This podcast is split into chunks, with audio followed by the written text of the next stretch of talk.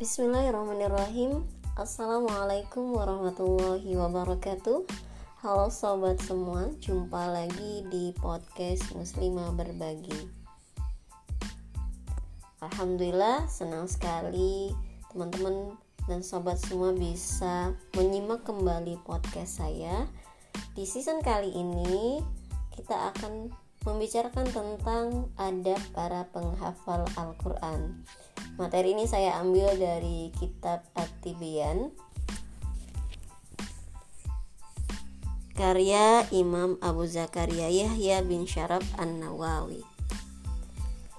Berbicara tentang Al-Quran tentu bukan sesuatu yang asing karena Al-Quran adalah kitab bagi umat Islam yang menjadi pedoman hidup serta merupakan wahyu dari Allah Subhanahu wa taala dan merupakan mukjizat terbesar baginda Rasulullah Sallallahu Alaihi Wasallam. Membacanya, mempelajarinya, mengajarkannya, menghafal, mengamalkan dan mendakwahkannya merupakan ibadah di sisi Allah Subhanahu wa taala. Nah, sobat di season kali ini kita akan berbicara tentang adab para penghafal Al-Qur'an. Nah, sebelum masuk kepada adab, Mungkin sobat semua sudah sering mendengar bagaimana keutamaan orang-orang yang menghafal Al-Qur'an. Di antaranya hadis dari Buraidah radhiyallahu an, Nabi Shallallahu alaihi wasallam bersabda yang artinya siapa yang menghafal Al-Qur'an, mengkajinya dan mengamalkannya, maka Allah akan memberikan mahkota bagi kedua orang tuanya dari cahaya yang terangnya seperti matahari, dan kedua orang tuanya akan diberi dua pakaian yang tidak bisa dinilai dengan dunia. Kemudian orang tuanya bertanya, "Mengapa saya sampai diberi pakaian semacam ini?" Lalu disampaikan kepadanya, "Disebabkan anakmu telah menghafal, mengamalkan Al-Qur'an." Hadis riwayat Al-Hakim dan dihasankan oleh Al-Bani. Uh, Masya Allah, luar biasa ganjaran bagi orang yang menghafal, mengamalkan dan mengkajinya, mengkaji Al-Quran ya, maksudnya di sini mendapatkan orang tuanya mendapatkan mahkota yang mahkotanya itu terang dan mendapatkan pakaian kebesaran.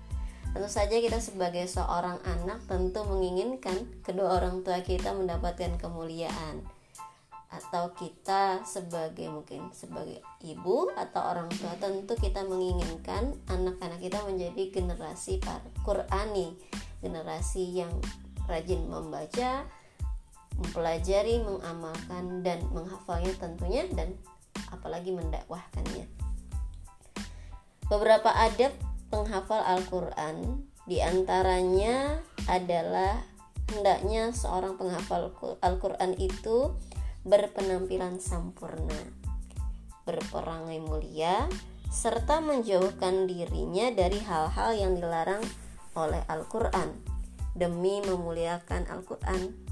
Tentu saja, sebagai seorang penghafal Al-Quran juga harus menjaga diri dari profesi atau pekerjaan yang tercela.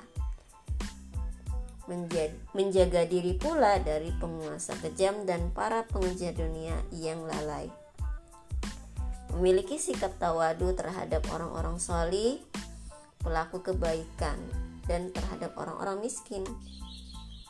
Nah, juga bagi para penghafal Al-Quran, hendaknya menjadi pribadi yang khusyuk serta tenang hati dan sikapnya.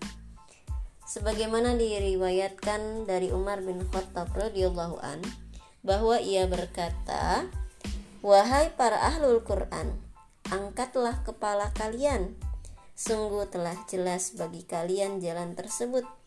Berlomba-lomba dalam kebaikan dan jangan menjadi beban bagi orang lain."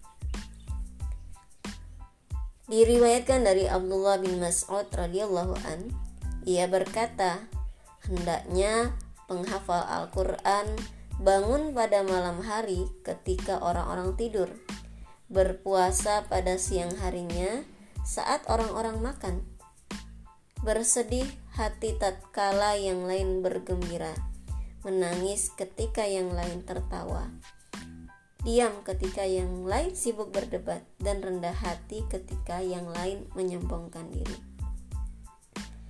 Pun demikian diriwayatkan dari Hasan rahimahullah, sesungguhnya generasi sebelum kalian itu memandang Al-Quran sebagai risalah dari Rob mereka sehingga mereka pun mentadaburinya di malam hari dan mengamalkannya pada siang hari jadi memang Al-Quran itu menjadi sahabat setia.